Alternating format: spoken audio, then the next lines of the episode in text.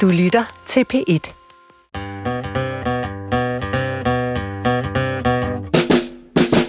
Du lytter til Vildt Naturligt på P1. Din værter er... Vicky Knudsen. Og Johan Olsen. Og Johan, i dag vil du gerne sige noget.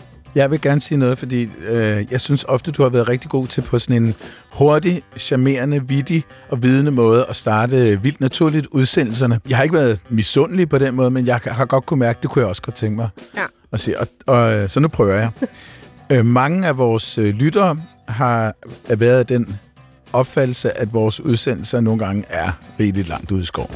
Ja, Og nu vil lytteren selvfølgelig lige jeg prøver at holde tilbage. tænke, tænke, hvorfor siger han det? Det er fordi, at i dag skal det handle om skov. Nu skal du ikke love guld og grønne skove på forhånd, Johan. Man kan slet ikke se altså træerne på bare skov. Vi er jo ikke ude i skovens dybe stille ro.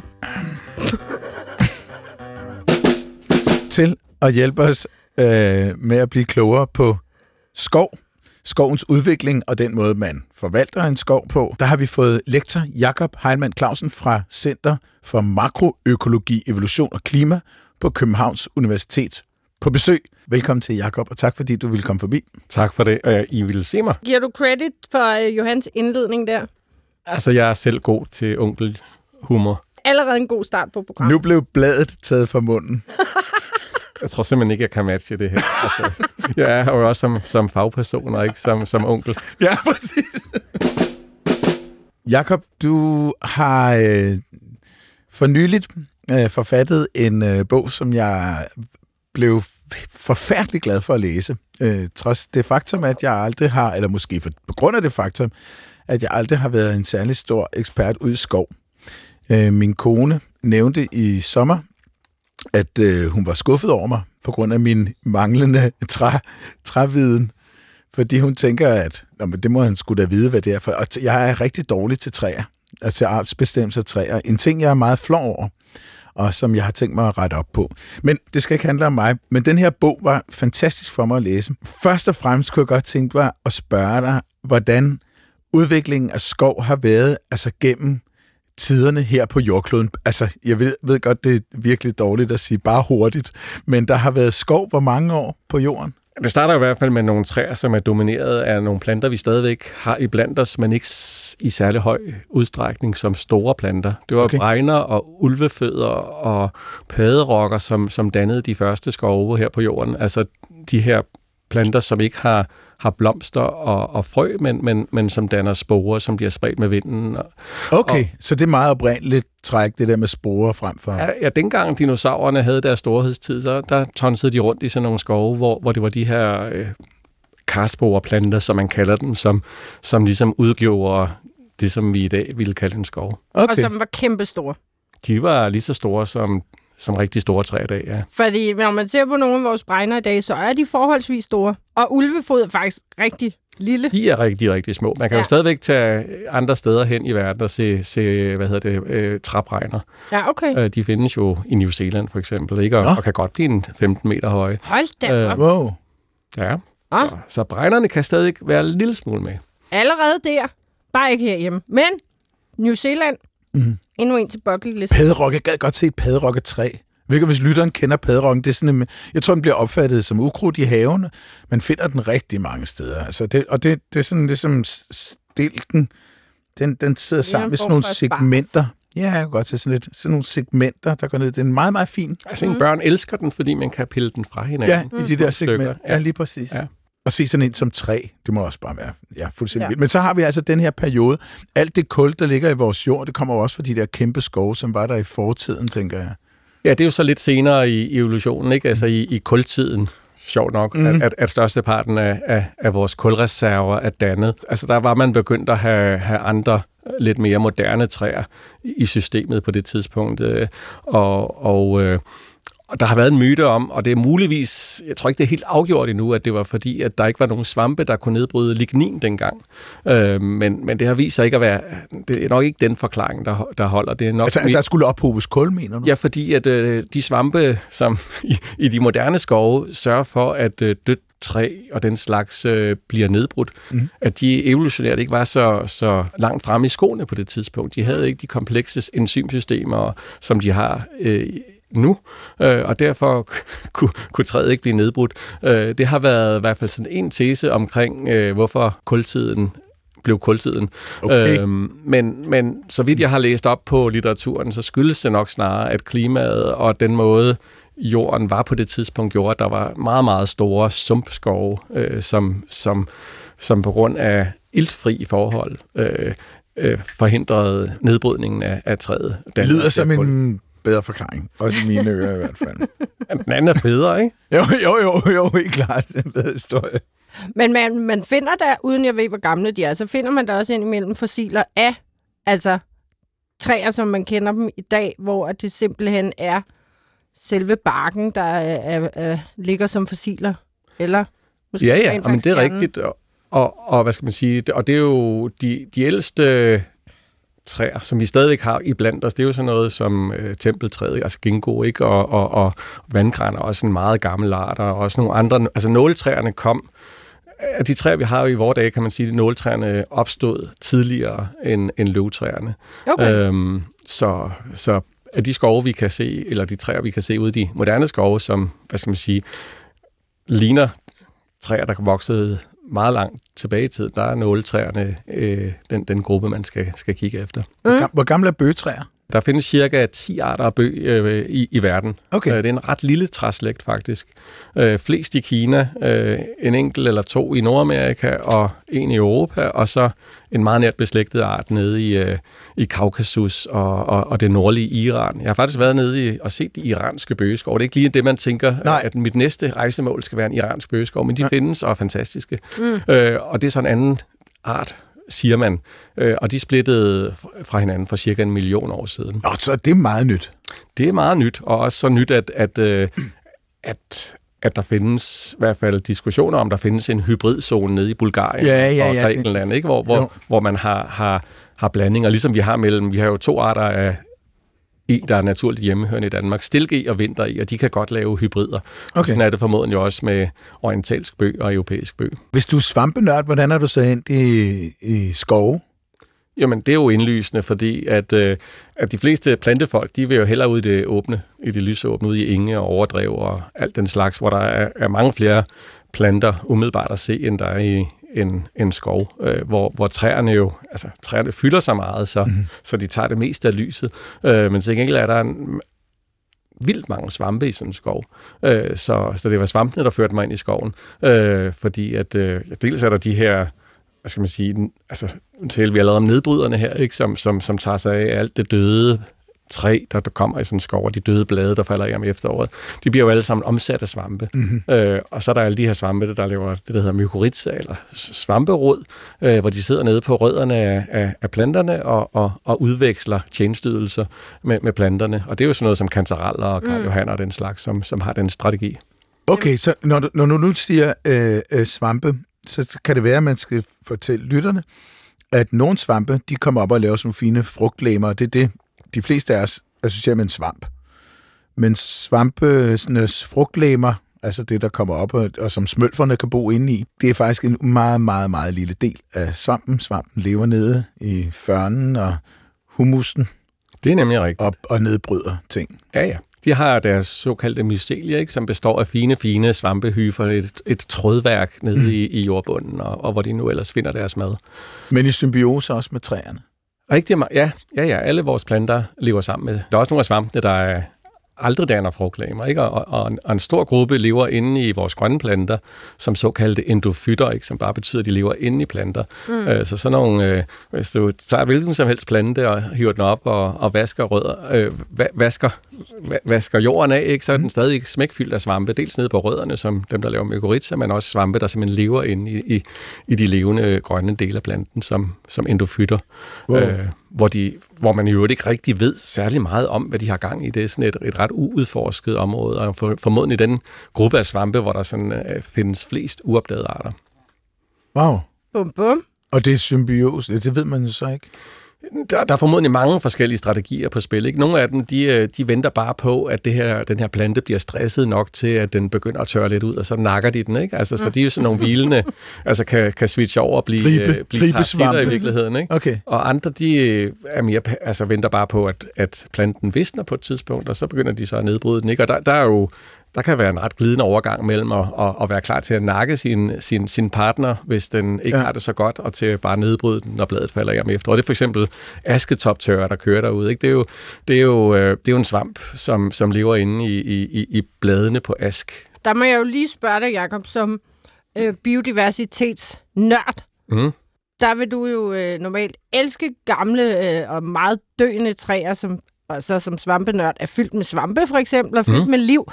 Fordi vi har snakket om asketoptør i et tid, tidligere program. Hvordan har du det så med sådan en? Bliver det så sådan lidt tvetydigt, sådan, åh nej, det er jo ikke en hjemmehørende art, men samtidig så er den så med til at, at måske skabe liv for en masse andre arter ved at dræbe asketræet, eller ryger alle asketræerne i svinget på grund af det her. Øhm, det har jeg faktisk skrevet en artikel om sammen med et par kollegaer, hvor Ah. vi, øh, hvor, hvor vi øh, t- står til, altså siger, at fordi der kom lige så snart asketop tøren for alvor begyndte at dræbe asketræer rundt om i Europa, så blev det, blev, var der nogle meget bekymrede forskere, der skrev, det her er et kæmpe problem for, for naturbeskyttelse. Nu mister vi asken og, og alle de arter, der er knyttet til den. Øhm, og på det tidspunkt, øh, ja, vi tog i hvert fald Rasmus modsat kasketten på og sagde, Mm. Og skrev den her artikel, hvor vi sagde, at det er nok ikke kun dårligt. Øh, hvis man ser på tværs af Europa, så kan man faktisk se, at øh, skoven er blevet tættere og tættere, mørkere og mørkere. Der er flere og flere træer. Øhm, og, og, og de arter, der er mest truede, det er i virkeligheden dem, der, der findes, øh, måske ikke ud, hvor der er helt lysåben, men i skovlysninger og i overgangen til skov, og de steder, hvor skoven bliver forstyrret, mm. øh, for eksempel af asketoptørre. Så vi sagde, at hvis man nu øh, tog det lidt mere afslappet og sagde, hov, vi får faktisk en mulighed ind her, vi får en masse dødt ved, vi får nogle lysninger i skoven. Så i stedet for ligesom at sige, nej, nu har vi et problem, vi skal have ryddet op i, og vi skal støtte øh, skovfolkene i og, og få fældet, fældet de asketræer og plantet noget sitka måske, eller et eller andet, så man kan, øh, hvad skal man sige, genoprette skovens produktive funktion. Så sagde vi, hvis man nu så det her som en begivenhed, der kunne måske lave nogle andre støtteordner, hvor man sagde, du kan få støtte til bare at lade det her område være. Mm. Måske endda sætte dyr ud og græsse eller et eller andet, så man kunne opretholde øh, et, et mere lysåbent miljø også på længere sigt. Så ville det faktisk være måske være en større gevinst, end, end det tab, der kunne være af Ja. ja. askearter. Nå, og hvordan har asketræerne det? Der er stadig masser af aske, er det ikke? Jo, altså i Danmark øh, ser det ret fornuftigt Ja. ja. ud. Øhm, rigtig mange steder har man jo så fældet, altså ude i produktionsskovene har man fældet rigtig meget ask. Ah. Og mange af vores askebevoksninger, de er jo så faktisk plantet. Og de er plantet på gamle skovlysninger. Og det, de, det gjorde man sådan cirka i, fra, fra, ja, fra, fra besættelsen og frem, øh, hvor, hvor man ikke længere kunne betale sig at have børn ude og passe på de her køer, eller slå, slå, slå, slå hø derude. Mm. Så, så mange af de her askebevoksninger var også nået en alder, hvor de egentlig var ved at have en, en økonomisk værdi. Så Ja, selvfølgelig okay. blev meget dekapitaliseret. Det er ikke så mærkeligt. Nej. Øhm, men de steder, hvor, hvor asketoptørn så har fået lov til at forløbe uden så meget indgreb, der kan man egentlig se, at, at især de naturlige askebevoksninger, de har det egentlig okay. Mm. Øhm, det er selvfølgelig lidt tidligt at sige noget om, hvordan den langsigtede effekt er det, men jeg er ikke så bekymret for ask som arter, heller ikke for de arter, der er knyttet til det. Øh, Men jeg har kolleger i Sverige og Norge, som er meget bekymrede og siger, ej, nu alle arter, der er knyttet til ask, er, er, er stort set rødlistet i, øh, i Sverige og Norge. Ja. Øh, øh, er dem, der er specialister på ask, ikke? Fordi Ja. der siger man, hold da op, nu forsvinder de her træer ud af vores landskaber, øh, og det går nok også ud over nogle arter, som øh, har det som særligt levested. den filosofi, der er bag hele den her diskussion, eller de filosofier, der er bag den her diskussion, grunder vel også i ideen om, øhm, hvad, hvad, altså, vi vil gerne opretholde status quo, men der findes ikke noget uden, status quo findes ikke i naturen. Og derfor så er ideen om, at øh, vi skal øh, passe på at komme af med den her svamp, den, den kan jo godt for mig virke sådan lidt underligt, fordi ja, det kan godt være, at vi kan følge, at den her svamp er kommet af menneskelige årsager, men det kan jo også godt, altså hvis vi kigger tilbage i tiden, øh, så, så vil vi jo så vil et hvert økosystem få sig nogen på siden På af hovedet en ja. gang imellem. Og det kan jo godt være, at, øh, at naturen har brug for at få et par på siden af hovedet en gang imellem, for at, at holde systemet øh, ved lige, for så der, så der så reelt sker noget. Jeg er fuldstændig enig, altså, og, og det er jo også det, vi kan se fra andre systemer, ikke? At, at det netop er de her... Altså, det kan godt være, at asketoptøren blev introduceret af mennesker, men der var jo nok opstået, så kan det være, at det var en anden træt, og det kan også være, at den næste træt, der bliver angrebet af et eller andet. Jeg kan også huske for nogle år siden, der var det kastanjeminermøllene, som, som man frygtede meget. Nu sagde nu er det slut med, med kastanjerne langs søerne i, i, i København, for eksempel. Og Så galt gik det så ikke, øh, men, men, men der er en... Altså, det, du har fuldstændig ret. Vi, vi som mennesker kan vi godt lide stabilitet, og, og det, som vi kender fra vores barndom og alt det her, det skal vi opretholde. Og, og de der forstyrrelser, der kommer, når der kommer sådan en både klima øh, ekstremer eller en, en ny art, der kommer ind og laver ravage i det, det, det er vi ikke så glade for. Og hvad skal man sige, der er en ting af det, der siger, at det er en del af naturens proces, at der sker de her forstyrrelser. Naturen er, som du siger, ikke stabil. Øh, og, og så på den anden side kan man så sige, at vi mennesker har så speedet den proces voldsomt op, både med mm. klimaforandringer, men også med at flytte arter rundt i hele verden. Ikke? Så, mm. så man kan sige, vi har virkelig accelereret øh, naturens dynamik, og det, det skal man selvfølgelig håndtere på et eller andet fornuftigt plan. Ja. Asken har det fint, kastanjen har det fint, men elm, den har det ikke særlig fint, efter der kom elmesyg, vel? Der er stadig, altså, nu har jeg arbejdet meget i Suserup skov nede ved, ved Sorø, som er et af vores mest kendte urørte skovreservater, og, og da vi første gang, Morten Christensen og jeg, dengang i til 1992, tror jeg det var, kortlægge alle træerne dernede, der var der flest elmetræer. Nå. Øh, de fleste af dem var små, fordi man faktisk havde bekæmpet elm.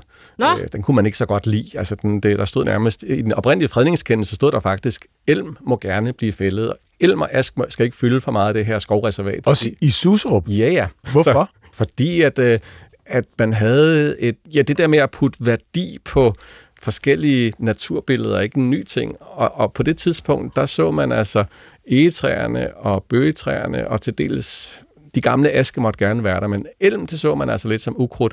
Øh, og da der, der var en, en, en, et, der lå et gæstgiveri nede i Suserup skov på det tidspunkt, og de skulle have noget brænde.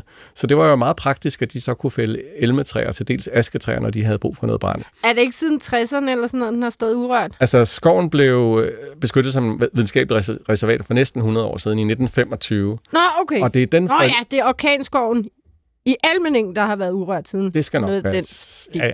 I hvert fald, så, øhm, så kan man læse i de oprindelige øh, fredningskendelser også, at øh, i øvrigt så smed man også dyrene ud. Der var så nogle skoveng, eller skoveng ned mod Tystrupsø, øh, og der øh, sagde man, der skal der er så meget, der er sådan en fin blomsterflor, som altså lidt bliver forstyrret af de her græsne køer, så, øh, så dem skal vi have ud. Øh, og så vil vi gerne fremme, at man planter noget tjørn og noget, noget, nogle andre blomstrende buske. Øh, så det, det, øh, det er meget skægt at tænke på en skov, som vi nu opfatter som den ultimativt urørte skov, i virkeligheden blev, blev fredet som et videnskabeligt reservat, men meget med en æstetik ned over det, som handlede om store, bredkronede træer, ikke for meget underskov, ja. øh, og i hvert fald ikke nogen græsne husdyr, øh, som skulle gå og, og, og, og, og spise blomster nede ved, ved søen. Og, og den er jo så, søbredden er jo så groet til i mellemtiden selvfølgelig, fordi der ikke er nogen... Nej, der er ikke nogen græsser Nej, til, præcis. Til det er sjovt.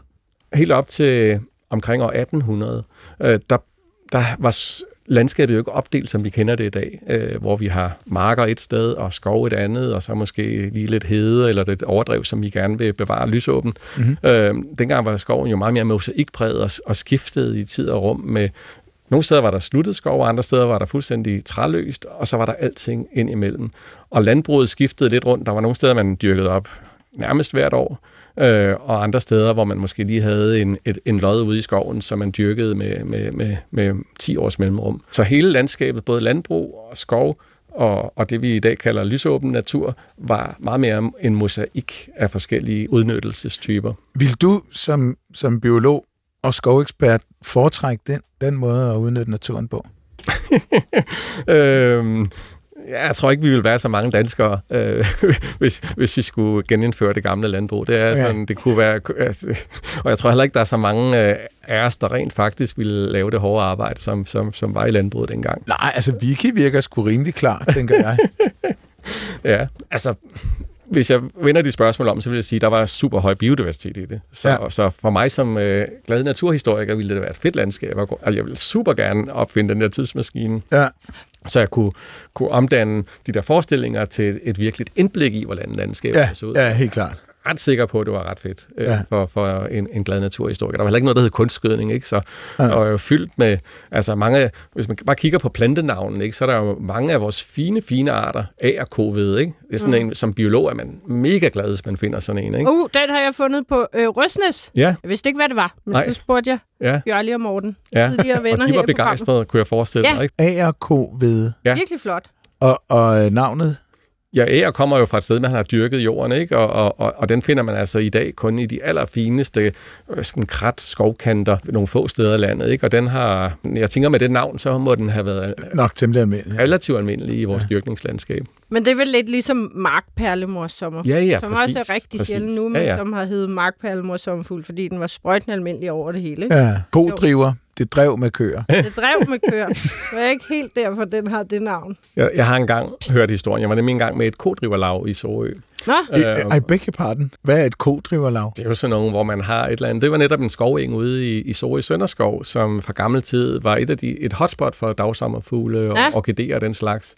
Øh, og øh, det blev plantet til med rødgran en gang der i netop i 50'erne, Ja. øh, undtagen et lille bitte område. Øh, så, det, så det så floraen blev bevaret i nogle små frimærker, og så på et eller andet tidspunkt, så blev det fredet, og man ryddede græntræerne, og, og så prøvede man så at pleje det, ikke? men det var svært at, der var ikke økonomi i lortet.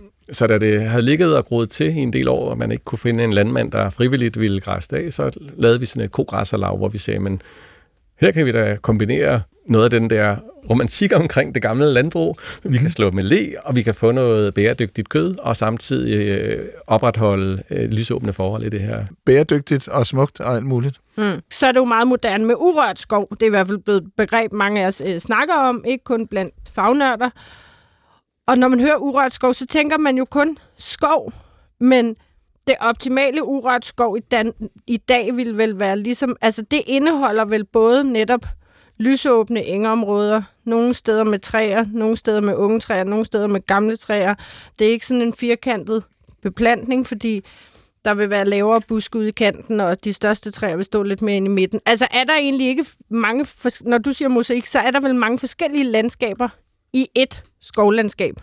Jo, øh, det vil jeg sige, der var. Og, og for lige at gøre den historiske linje færdig, det, så var det netop, at man i 1805 indførte man det, der hedder fredskovsforordningen. Mm. Og fredskovsforordningen var ligesom kulminationen på en længere proces, som også omfatter øh, alt fra, at man indførte sk- skolegang til alle, og, og ophævede stavnsbåndet, og i hele taget dannede et moderne øh, sam- samfund. Øhm, så det var ikke noget, der skete på én gang, men, men man valgte faktisk at gøre op med den der hvad skal man sige, meget flersidige udnyttelse af landskabet. Mm. Øh, og man sagde, nu skal vi beskytte de gode skove, vi har tilbage, inden de helt forsvinder, fordi at alle de der dyr render rundt og græsser i dem. Øh, og i øvrigt er det super upraktisk, at, øh, at det er måske enten staten, altså kongen, eller herremændene, der ejer de store træer, og så er der alle de der bønder, de har så alle mulige rettigheder til at udnytte underskoven og sætte deres dyr på græs ude i skoven. Ikke? Det var et, et, et, et ejerskab, som nok strækker sig helt tilbage til, ja, øh, så længe man har historiske kilder, så helt tilbage fra den tidlige middelalder i hvert fald, Ja.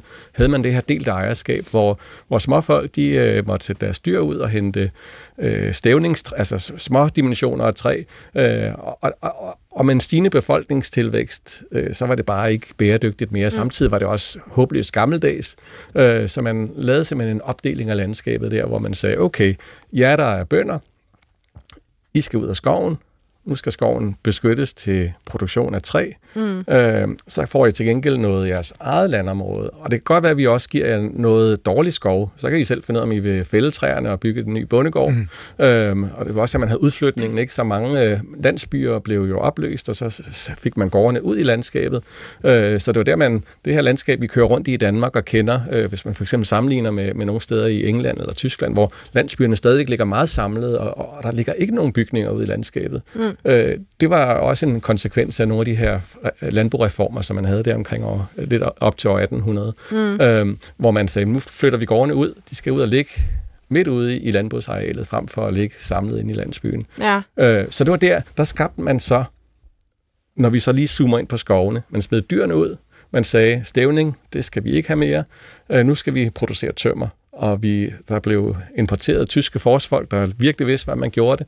Øh, så der fik man skabt øh, et helt nyt regime for den måde, vi, vi, vi har skov på i Danmark. Og i forhold til de her dyr, for lige at tage dem ind igen, ikke, mm. så, så har vi skabt i vores moderne skov er sådan set en, hvad skal man sige, økologisk undtagelsestilstand. Vi har aldrig haft så mange skove uden store dyr. Mm. Og når vi så nu skal lave beskytte skovens natur, og hvad skal vi så stille op? Så har vi jo hele den her diskussion, som kører på de høje navler nu, og hvor jeg er fuldstændig enig. Det kan ikke nytte noget at bare tænke skov som skov. Vi skal tænke på tværs af landskabet, mm. og vi skal på en eller anden måde sørge for, at de her græsne dyr kommer tilbage og virker i de her landskaber, så vi ikke kun har den lukkede skov, øh, men også alle overgangene til, til de her øh, lysåbne skovlysninger og mere permanente områder, hvor der er så vådt eller så soleksponeret eller et eller andet, at træer har svært ved at gro. Mm-hmm. Ja, så der ligesom er, er forhold, for, der er gode for alle mulige forskellige arter, der er tilpasset alt muligt forskelligt. Og jeg tænkte også lige på, nu sagde vi mark, perlemor og ær, kovede, og der er jo også markfirben og markskarnbasse, der begge to også er blevet mere sjældne. Og derudover så har vi rigtig mange arter, der hedder et eller andet med almindelig Mm-hmm. Som bare overhovedet, altså som er pivhamrende sjældne nu, og, og, man, og man siger altid, hvorfor hedder den almindelig? Og det er jo nok, fordi dengang de fik et dansk navn, der var de simpelthen så almindelige ja. alt i Danmark, ikke? Almindelig ulvefod, apropos de tidlige, det er der også noget, der hedder, ikke? Jo, det er der. Og den er ikke super sjælden, men den er heller ikke... Nej, den er ikke lige så almindelig, almindelig, som den har været måske. Nej. Bare for lige at skære det helt ud i pap. Rent biodiversitetsmæssigt, så lyder fredskov jo altså helt utrolig idyllisk. Mm. Men det var vel egentlig der, det begyndte at gå lidt ned og bakke for meget af vores biodiversitet, fordi at skovene så blev tættere og tættere, eller hvad? Og dyrene blev taget ud af skoven og holdt dem ikke lysåbne mere, eller? Altså man kan jo sige, at, at uden en fredskovsforordning, så ved vi jo ikke, hvad der var sket med mm. vores landskab. Så man fik jo i hvert fald bevaret skoven og den lukkede skov som, som, som levested. Øh, men, men, men, men alle de arter, der er knyttet til de lysåbne steder i skoven, de er forsvundet, den, eller er, er gået meget stærkt tilbage siden, ja. siden. Det er helt tydeligt. Okay. Og Fredskov havde... Det lyder som om, det er træerne, der er fred, men det var mere, det var træerne, der skulle være i fred for dyrene. Præcis. Øhm, og det betyder jo også, altså, øhm, også, og det betyder også noget for der er knyttet til, altså en, en ting som, altså, der er ingen tvivl om, at skovene før fredskovsforten, de var meget stærkt udnyttet også. Mm. Så det var ikke, man skal jo ikke forestille sig et, et, et sted, hvor der bare lå store gamle træstammer og rådnede. Øh, men der var mange gamle træer, fordi ja. at, at det her med at man havde dyrene derude. Det gjorde, at man var interesseret i gamle egetræer og bøgetræer, som satte masser af æren og bog, som, som, som var rigtig god føde til de her. Hvis man køber sådan en god serrano-skinke nede fra Spanien, øh, en af de rigtig dyre, ikke? Altså, ja. så, så er den jo også fodret op i, i de her dehesas, som ja. de her øh, nogle landskaber, der måske er mindet lidt altså klimaet er anderledes, ikke? Men, men hvor man havde store egetræer, og, og, og det var en vigtig fødekilde for de her øh, svin, som man også havde i de danske skove. Altså, og så, så når træ først var blevet gammelt, og var, altså så, så var det egentlig i hvert fald også i bøndernes interesse, at, at de blev ved med at stå der. Ikke? Mm. Og, og hvis de så først var blevet rådne indeni, fordi så, så var der heller ikke den store pointe i at lave dem til skibe eller, eller herregård, eller hvad man nu, nu ellers skulle have interesse. Nej, okay. så, så, og det kan man se, det er meget velbeskrevet, at, at skovene i de der årtier efter Fredskovsforeningen stadigvæk mange steder var, med et forstigt synspunkt elendige, fyldt med toptørre gamle træer og, og, og med et stort potentiale for forbedringer. Ikke? Så der blev, ja. blev virkelig øh, ryddet ud i altså, over mange årtier. Ikke? Så tog man de gamle øh, halvtørre, halvrådende træer ud og erstattede dem med nogle gode, øh, hurtigt voksende produktionstræer. Ja, man blev effektiv. Det gjorde man.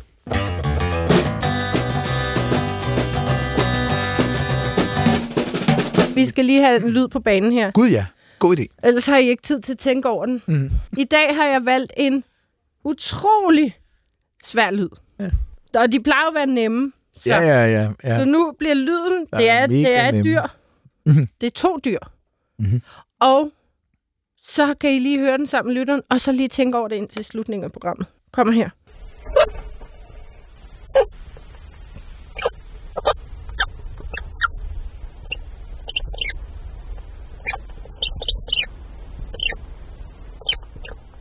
Ja. Der kan der tænkes, og det er derfor, Gunnar har taget pivdyr med i dag. Det var for lige, Nå, for lige. altså forberede jeg på den her lyd, der også lidt kan lyde som pivdyr. Eller en korkprop i en flaske. Ja, det er faktisk rigtigt. Jeg har gættet den. Du har gættet den. Det Jeg er godt, Johan. Altid skarp. Altid klar til at gætte. kan lige informere lytterne om, at det er kun én gang i løbet af nu snart halvandet år. Det lykkedes mig at gætte din dumme lyde, Vicky. Og det er altså rigtig flot. Tak. Ja. Jeg kunne godt tænke mig at, at komme tilbage til, til den her ting med, at øh, vi er i en biodiversitetskrise. Det tror jeg ikke, at nogen har misset.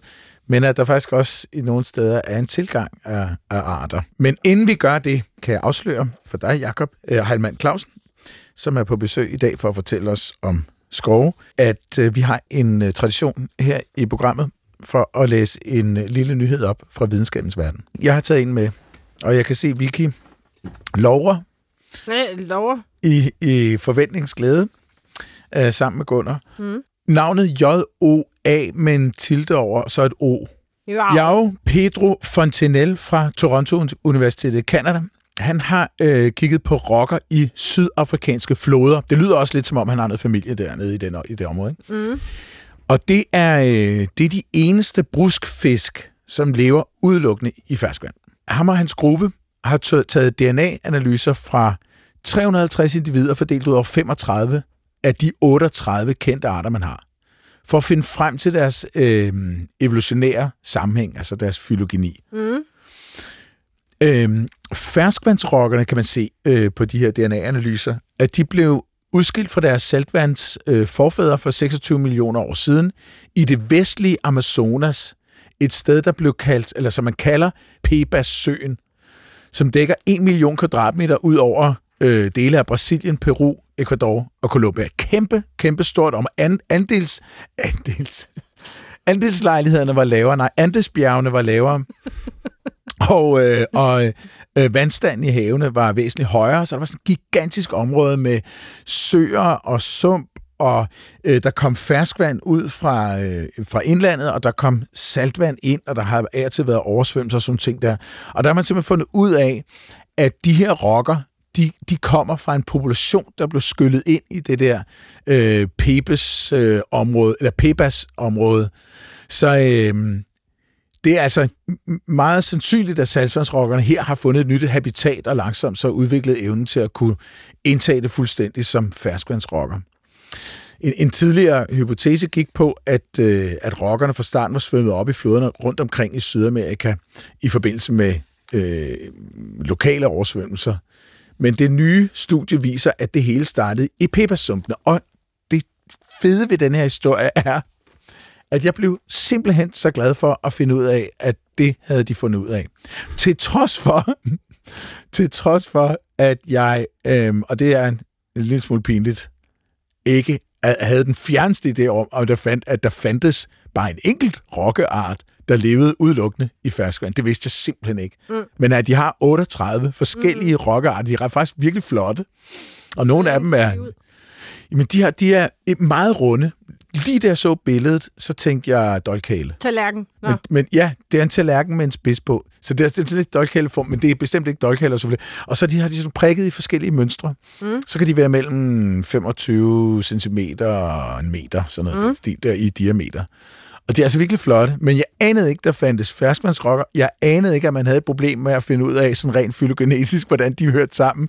Men man bliver jo glad alligevel for, Ja. at et, et, et, et, et mysterium, jeg ikke anede eksisterede, nu er blevet løst. Og rocker er bare dejlige. Ja, det er de. De er mega dejlige. Og der lever jo også en delfin i Amazonas. Det blev jeg belært om så sent som i går, hvor vi havde Nej. en... en Nej, Ja, fra Pebas-området. Præcis. Vi havde øh, simpelthen i vores serie af, af guest lectures her på, på, på min arbejdsplads, der havde vi en ekspert, øh, og hun holdt et meget fascinerende foredrag om PEBAS-systemet og Fedt. den evolutionære historie, og, og, og pegede på delfinerne der som et, et, et, en indlysende forståelsesvinkel øh, på det. Okay, det var, det var godt timet, så. Fantastisk timet.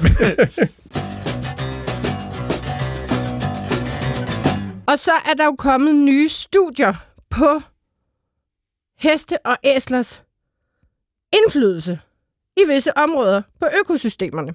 Mm-hmm. Og Jakob, du har garanteret hørt det her, fordi der er blandt andet danske forskere indenover. Blandt andet Erik Lundgren fra Aarhus Universitet, der udtaler sig her. Og det er nemlig sådan, at æsler og heste, de lever ret ofte steder, der bliver meget, meget varme om sommeren.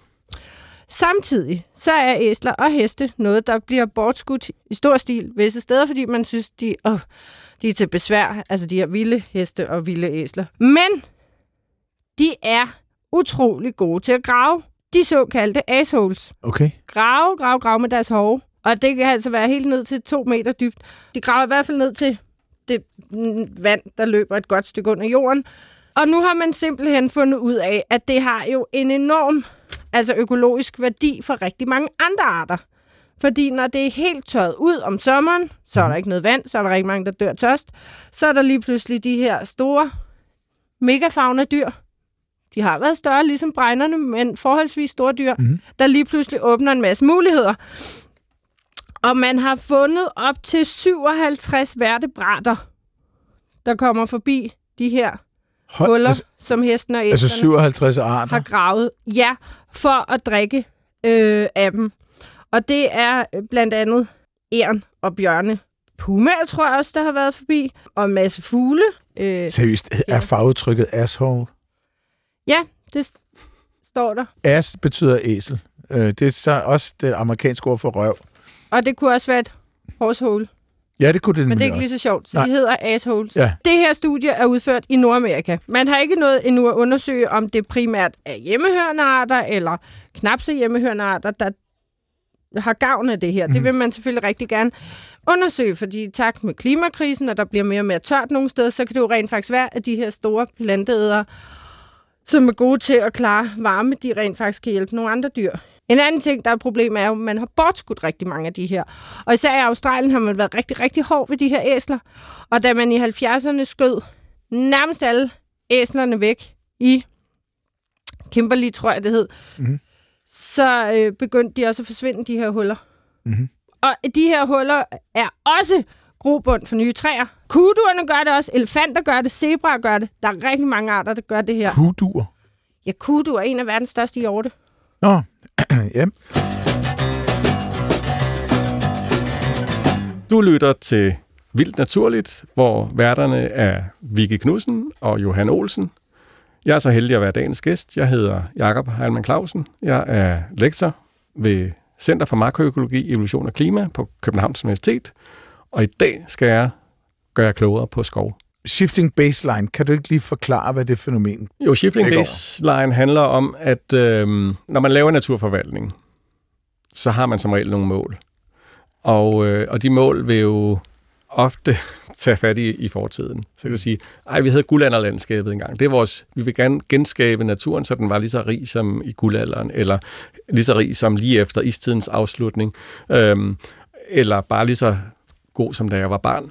øh, og det er så forskellige baselines, kan man sige, øhm, som man kan styre efter, og, og som kan danne vores mindset i forhold til, hvad der er det rigtige at gøre. Der kan vi sige, at når man ser på moderne naturforvaltning, så har indtil for nylig har, har en dominerende forståelse været, at vi skal, vi skal fremme nogle bestemte arter og nogle bestemte habitattyper, øh, ud fra sådan en, en lidt en kassetænkning. Opdeling af landskabet i, i produktionslandskab øh, til landbrug og til skovbrugsprodukter er jo foregået i hele Europa. Ikke? Og, og det gør, at vi er meget fastlåst på. Nu taler vi skovforvaltning og ikke åbenlandsforvaltning. Mm. Øh, så så, så vi, vi har i hvert fald haft et paradigme inden for naturforvaltning, der har haft meget fokus på, hver habitattype skal ligesom angribes forskelligt. Der er så nogen, der kigger tilbage i tiden og siger, at vi skal tilbage til før sidste istid, hvor mennesket for alvor begyndte at, at rumstere i tiden og sige, men alle de der dyr, for eksempel elefanterne, som jo tonsede rundt i, i store dele af Europa sammen med næsehorn og, og nogle andre store dyr,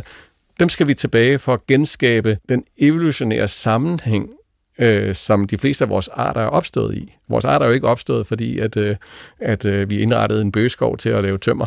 Øh, de var der lang tid før, og så de tilpasset sig i, i, i, med større eller mindre held til, til vores habitater. Ligesom ARK-viden, som havde det godt med vores gamle øh, landbrugslandskab, men den er jo ikke evolutionært tilpasset et landbrugslandskab. Mm. Øh, men den har det så rigtig svært nu, fordi der mangler nogle processer i vores landskab, mm. og nogle typer af levesteder, som, som, som kommer af de processer. Mm. Øhm, så et take på baseline er jo at sige, at vi skal tilbage og genskabe det evolutionære rum, hvor vores arter har, har, har udviklet sig i. Og det er jo det, man forstår, når man kan tale om det, der hedder Pleistocene rewilding. Ikke? Så er det det udgangspunkt. Elefanterne gjorde noget, næsehornene gjorde måske også, heste og køer gjorde det. Vi skal have dem tilbage og virke i det europæiske landskab, så, så vi ligesom i, i det, vi prioriterer til natur, øh, så vi kan, kan få en natur, som er så lidt forstyrret af os mennesker som muligt en anden baseline, som, som nogen måske er tilhænger af, det er at sige, nu skal vi bare give pladsen tilbage, og så må der opstå noget nyt. Naturen har altid været foranderlig, og nu udrydder vi de der dyr. Det er bare ærgerligt. Nu må vi bare give, øh, give pladsen tilbage, og så må vi se, hvad der sker. Mm. Det er så et andet synspunkt, man kunne, kunne have på det. Ikke? Og, og, og jeg synes, for så vidt det er lige så validt, så er det mere et spørgsmål om, hvad vil vi egentlig gerne? Og vil vi acceptere markpatte, morsommerfuglen, så nok forsvinder fra Danmark? Ja. Eller vil vi sammen med alle de andre arter, der har haft det rigtig godt, øh, igennem hele den her tid, hvor der har været store dyr i, i, i vores landskaber, og nu har vi altså kun hjortevildt tilbage. De kan ikke rigtig gøre det samme. Så, så, så hvis vi vælger den linje øh, og siger, at nu giver vi pladsen fri, mm-hmm. men vi blander os overhovedet ikke, og vi sætter ikke nogen dyr ud, så vil det have en anden retning, den her mm. udvikling, og vi vil helt sikkert miste arter, der er tilpasset alle de her overgange og lysninger. Og noget andet er noget, du også nævnte tidligere, er vel også at der er meget mere næring i jorden nu, end i øh, år 1800 for eksempel. Ja, der, der er flere ting på, på spil. For det første er, er meget af vores land jo været udnyttet. I hvert fald uden for skovene har det jo været gødskred det meste. Øh, og så har vi også øh, på grund af vores øh, industri og trafik og, og, og voldsomme øh, udspredning af, af gylder den slags et, et, et meget større, hvad skal man sige, gødningspåvirkning fra mm. luften, end vi ellers ville have. Plus den her CO2, som giver drivhuseffekter, det gøder jo for så vidt også øh, øh, trævæksten, altså fremmer, det er simpelthen mere... Ja, den højere CO2. Ja, det, det indgår, der er jo simpelthen sat lidt boost på, på fotosyntesen, som jo forbruger CO2. Der er simpelthen mere råstoffer at tage ja. i forhold til at bygge nye træer. Ja, og en sidste ting, der vel lidt er forsvundet i forhold til gamle skove, er vel også, at man netop begyndt at dræne. Det har vel også fjernet ja. nogle arter. En ting er lys, men jeg tænker, der har vel også været meget vådere i de gode gamle dage ude i skovene. Jamen, vores skov er lige så drænet som landbrugslandskabet, ikke? Og med det her istidslandskab, vi har i Danmark med masser af små lavninger, ikke? så har det været super sumpet og utilgængeligt mange steder. Mm. Skal vi heller ikke tilbage til. Ej, der er alt for mange myg. Men Jacob... Dem nøjes jeg med her hjemme i min havedam. Jeg synes personligt, at det er vigtigt, at man accepterer, at her er mennesker, og det er i høj grad på vores vilkår, at, øh, at resten af arterne er her. Der er en afvejning. Vi kan ikke komme tilbage til et eller andet urlandskab, fordi det findes ikke, eller frem til et urlandskab, det findes ikke, før der ikke er flere mennesker. Så jeg synes jo, denne her med at give naturen tilbage, give den dens plads, og så lade den udvikle sig, det, det, det synes jeg var en ret sexet løsning. Må jeg spørge, hvad en rigtig ekspert som dig, hvad du synes. Jeg ved godt, man ikke skal synes i videnskab, men altså i det her tilfælde er der en vis ikke streng naturvidenskabelig overvejelse, som er mere filosofisk. Ja, Øhm, jeg synes, det er en super, super interessant øh, diskussion, mm. og, og jeg er nok der, hvor, hvor jeg kan se tingene fra, fra begge sider, mm. og, og jeg ved godt, hvad for et sted jeg helst ville gå tur. Det ville jeg altså gøre der, hvor, der også, øh, hvor man havde gjort noget for at få, få dyrene tilbage, fordi okay. det skaber altså øh, en mere varieret... Øh, et mere varieret landskab. Vi har også nogle forpligtelser, der gør, at det, altså, vi kan ikke bare sige, at vi ikke vil håndtere det. Så kan man sige, okay, men så kører vi old school naturpleje i den lysåbne natur, og vores skove lader vi udvikle frit. Det kunne sådan set godt være en løsning på det, men så vil man jo netop ikke forbundet det sammen. Nej. Og det synes jeg er vigtigt, at få bundet det her sammen, og få sammensmeltet processerne, og der er det altså svært at komme udenom, at vi skal på en eller anden måde finde en løsning på de der dyr. I den bedste af alle verden kunne man bare sige, at hver eneste gang, der er en ko, der stikker af fra en mark, så skal den have lov til at leve. Eller en hest, der stikker af fra sin rytter, ja. ikke? Så, så, er den, så er den under, hvad skal man sige, så er den ved at rewilde sig selv, og så skal den altså ikke fanges ind igen. Ikke? Relativt urealistisk scenarie, men ja, ja. altså, jeg forstår, hvad du mener. Men, men, det, men det er bare for at tænke filosofisk, ikke? Så, ja. så kunne man godt sige, at det kunne være en vej frem. Ja. Men, ja. men jeg tror, vi skal ind og styre det lidt mere, og der skal vi altså tage nogle valg, og, og de vil, der vil være forskellige øh, interesser, der skal løftes og afvejes der. Mm-hmm.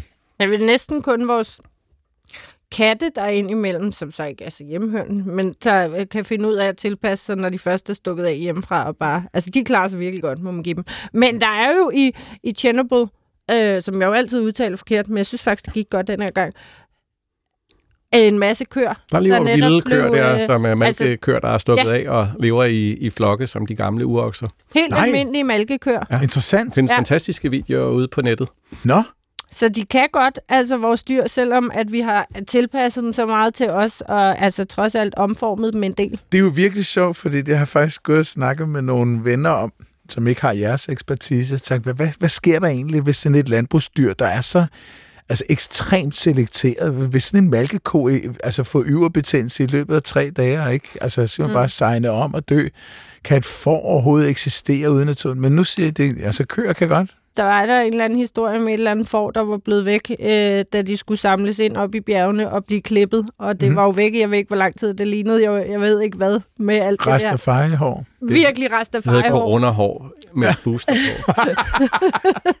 Men fordi, altså, får jo oprindeligt ikke har haft alt den her ja. uld. Det er jo også noget, vi har, har, ja, ja. har frem øh, arvet, skulle jeg til ja. at sige. Men den var jo stadig i live, selvom den lignede, jeg ved ikke hvad, nærmest ikke kunne bevæge sig. Det var måske lige på grænsen, ikke? men det bliver nok også lidt survival of the fittest. Det er meget interessant, det der. Jeg, jeg, øh, jeg kom faktisk lige til at tænke på med hensyn til det der med at henlægge ting til at, at bare lade naturen over. Det, det er mit indtryk, at de fleste fynboer er flyttet til Vesterbro. og så tænker jeg på, at hvis der ikke bor nogen dernede alligevel, så siger man bare sige, godt Fyn, nu lader vi det være til ren natur. Altså, jeg er gammel Fynbo og har boet en del år på Vesterbro. Øh, Der kan du se! Men jeg har stadig mine forældre. Jeg, vil, jeg tror godt, min far vil være med til det, men ikke min mor. Nej, okay. men, men, men for lige at tage den helt overordnet, så viser, altså, hvad skal man sige, problemet er faktisk ikke, at vores køer og heste og husdyr i det hele taget ikke kan klare sig i det fri. Problemet er faktisk, at de klarer sig så godt, så man har et reguleringsproblem. Det kan man bare høre på Molslap, ikke? Hvordan skal man, når de, de yngler jo som rotter, skulle jeg næsten ja. sige. Ikke? Ja. Mm, ja. Så, så problemet er i virkeligheden den anden vej rundt. De klarer sig super godt ude ja. i den der natur. Men Jacob, den her bog, der handler om forvaltning af biodiversitet i dyrket skov. Hvor meget af Danmarks skovareal er produktionsskov? Det er det meste jo. Cirka tre fjerdedel øh, som, okay. hvad skal man sige, er, er effektiv produktionsskov. Og så er, der, resten, der er mange overgange, ikke? men der er nogle få procent, der er formelt beskyttet. Hvad skal man sige, skovarealet er jo steget meget siden 1805. Og det er jo både sket ved bevidst skovplantning, men også ved tilgroning af gamle græsningsområder og moser og den slags. Så, så hvis man ser på skovstatistikken, så har den jo også, hvad skal man sige, tilgroet pilesumpe og den slags med som skov, og, og det er jo ikke produktionsskov. Nej, men forholdsvis meget, kan vi Ja, det er langt det meste. Og vi har noget af det mest effektive skovbrug i verden i Danmark. Ja. Vi er virkelig gode til det. Men hvis man lavede ren fokus på, nu laver vi produktionsskov, hvor det ja, skal være så effektivt som muligt, så fylder det vel mindre, end hvis man vil lave biodiversitetstiltag i den. Ja, altså den diskussion er super interessant, og, og man taler internationalt om land sparing versus land sharing, ikke? hvor man siger, vi prøver at sige, men okay, vi, vi har nogle relativt store reservater, og så resten, der kan man dyrke sit on the square mile, øh, versus at sige, men vi indretter vores produktionsareal, så der er plads til så meget natur som muligt.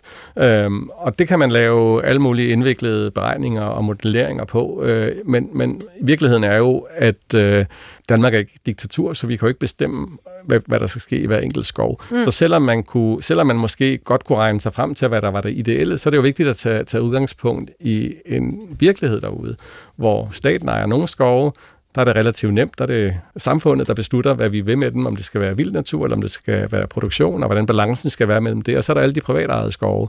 Øh, og der ser jeg ikke lige nær fremtid, at man går ud og siger, men du må ikke dyrke din skov, og det der skal være urørt skov. Det kan man prøve med støtteordninger og alt den mm. slags. Man kan sige, at det kunne være gået meget værre med biodiversiteten i Danmark, hvis det ikke var fordi mange skovejere jo faktisk er ret naturglade. Mm. Øh, så, så det var ikke alle de gamle træer, der blev erstattet med nye, øh, friske produktionstræer en del af dem fik jo lov til at stå, fordi det var jo et flot skovsceneri, og man godt kan lide gamle træer. Mm. Og den kærlighed til naturen findes jo hos mange skovejere i dag.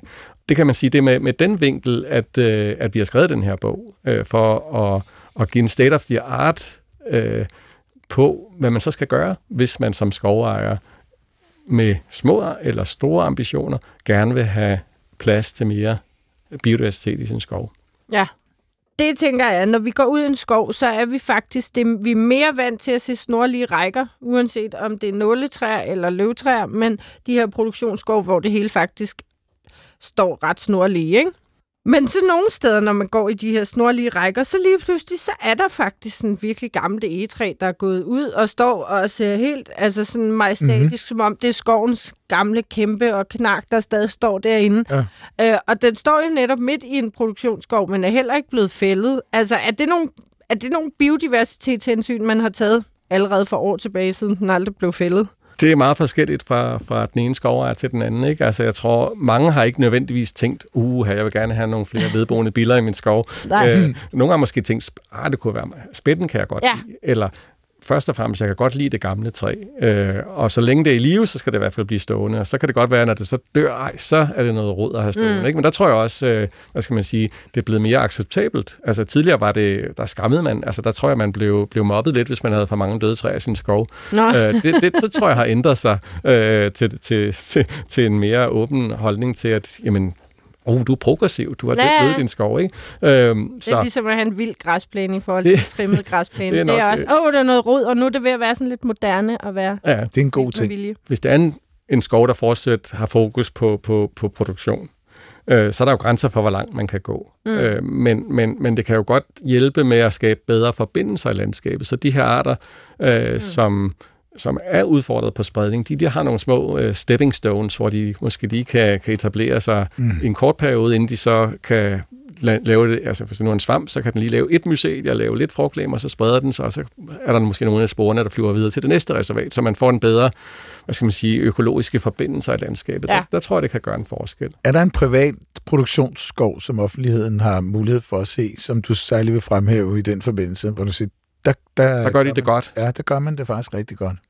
Altså, jeg bor tæt ved, ved, ved, ved, ved Frederiksdal skov, mm-hmm. øh, oppe ved Vium, Ja. øhm, der på sydsiden af Furesøen. Og der, øhm, der er der sådan en, en, en meget fin kant ud mod, mod Furesøen. Den får lov til at ligge urørt. Jeg tror ikke, det er, er, er noget, der er, altså det er helt frivilligt, og der er også nogle moser inde i skoven, som, som jeg synes er ret fede at få lov til at, at, at, at ligge der for sumpe og bliver ikke drænet. Øh, så det er sådan min nærmeste reference, mm. øh, som jeg lige kan komme i tanker om. Men der er jo også private skovejere, der går all in. Altså bortset fra de her bundeskove, som vi har nogle få af, så har det jo altid været sådan lidt en, en, en overklasse ting at have skov. Mm. Øh, det har hørt til de store godser eller til kongemagten. Øh, og der er jo nyrige folk, som køber skov og siger, det skal bare være jagt, mm. eller det skal bare være natur. Ikke? Og der, der er jo nogle eksempler på, at der er nogen, der går all in og er endnu mere progressive, end staten er, for eksempel. Okay. Ja, og både i det store og det små, ikke? For Jo, jo. så er der også øh, netop både familier, der flytter sammen på en uh, trælænget, og så er der et stykke skov til... Ja, ja, det behøver ikke at være, Nej, men det, det behøver ikke at være industrimagnaten. Flere kirker er også begyndt at tænke, hm. Jeg var for nylig ved en kirke. De havde det fedeste, altså engområdet bagved og ned til en sø, og øh, gamle træer, der var masser af jordbier, og, det, her, og anemoner, og det hele var så smukt, og de havde, altså, det hele var bare sådan frit tilgængeligt. Efter din mening, er der så plads i bund og grund til, at vi sagtens skal forvente den her biodiversitetskrise, måske blandt andet via de her tiltag, og have masser af produktionsskov stadig, fordi det er jo noget, vi er meget afhængige af. Mm, det er et super godt spørgsmål, øhm, og, og det kan jo anskues på, på flere skalaer. Danmark er et meget lille land, mm. øhm, og øhm, set med helikopterperspektivet, så kunne man da godt overveje, men har vi plads til produktionsskov i Danmark? Vi har et lille areal, det fylder ikke noget i verdens træmarkeder, og vi er langt fra selvforsynende med træ under nogle omstændigheder. Så hvad er egentlig vigtigst? Mm. Øh, skal, vi, øh, skal vi bruge skovene til at, at fremme naturen, eller til at fremme en produktion af, af nogle materialer, som er relevante i en grøn omstilling? Super, super svært spørgsmål. Ja. Øh, og det er heldigvis ikke mig, der skal tage beslutningen. øh, argumentet er jo tit, at jamen, hvis vi ikke dyrker skoven i Danmark, så vil der være noget mere værdifuld skov i nogle andre lande, som så skal lade livet, for at vi kan, kan få vores vedproduktion.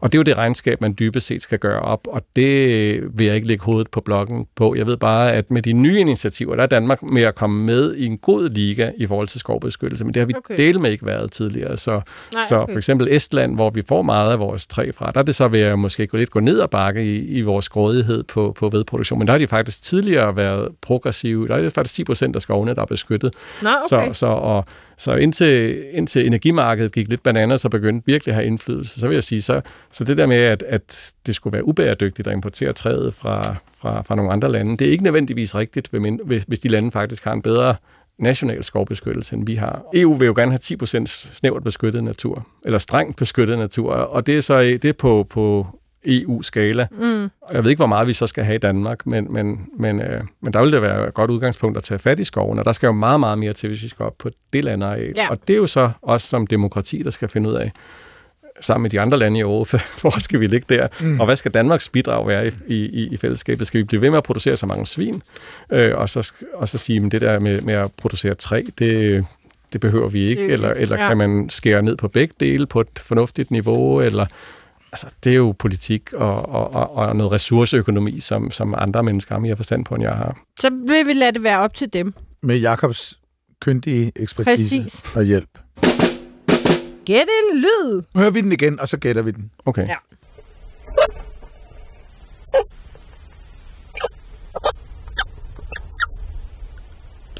Det er en ret sart lyd. Nogen idé?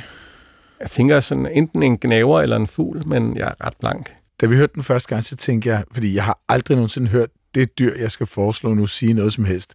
Jeg har set et eksemplar af det dyr en gang i mit liv, og det var et meget sygt eksemplar, der lå ved at dø i en tysk skov. Men fordi vi i dag taler skove, så tror jeg, at vi er ude i noget klatremus. Jeg tror, vi er ude i noget syvs- syvsover. En hasselmus? Er det det, du gætter på? Ja. Jeg synes, det er nogle rigtig gode bud. Jamen, det skal jeg jo sige. Altså, hvis man sådan kombinerede jeres bud og sådan lagde lidt til og tog lidt fra og sådan noget, så øh, fik man måske et dyr i morfamilien. Uh. Ja, og der kan jeg jo hive Gunners legetøj frem igen. Øh, som øh, jeg skal sige, at, at, jeg tror, det er et amerikansk jordæren til lytteren, der ikke kan Ja. se det. Mm. Der er en mand, der hedder Robert, der har et kamera nede i en rede af to lægkatte. Nå, Og så snakker, så lægger den ene lægkat og putter lutter lutter. Og så kommer den anden lægkat og putter lutter lutter. Og så siger de, og så siger den anden, okay, det er en lægkat. Ej, der var vi meget tæt på. ja, Det synes jeg. Okay. således beriget på, hvordan en lægkat siger, fordi det har jeg længe spekuleret, og lægkat er jo bare De er Det er jo dem, der bliver hvide om vinteren. Nå. Og det er jo stadig det er ja. lidt upraktisk, fordi det bliver mindre og mindre hvidt i Danmark om vinteren. Ej, det har alt- sgu altid været sådan lidt gråt og sharpet. Ja, det er selvfølgelig rigtigt. Det vil sige. Men fantastisk dyr i hvert fald. Men hvis man skulle vælge mellem at se grå og sharpet ud, og så bare være kridhvid om vinteren, så ville jeg da også vælge hvid, selvom det indebar en vis fare. Ja. Med de ord, så vil jeg gerne sige tusind tak til lektor Jakob Heimann Clausen fra Center for Makroøkologi, Evolution og Klima, Ja, Københavns Universitet. Jamen, øh, selv tak. Det var sjovt. og vi kom vidt omkring. Det gjorde vi. Vicky, Ja. hvis nu er, der skulle være en lytter, der kunne tænke sig at skrive til os med en øh, vidighed, biovidighed, hvordan er det, man skriver herind? De skal skrive til vildt naturligt. Og så kan man høre podcasten. Ja, lige der, hvor man bare elsker at høre podcast. Og apropos Karsten, Ja, ham skal vi takke. ja, og det er vores øh, voksen guide og ven, Karsten Nielsen. Vores Hygget- lysåbning i skoven. tak for i dag.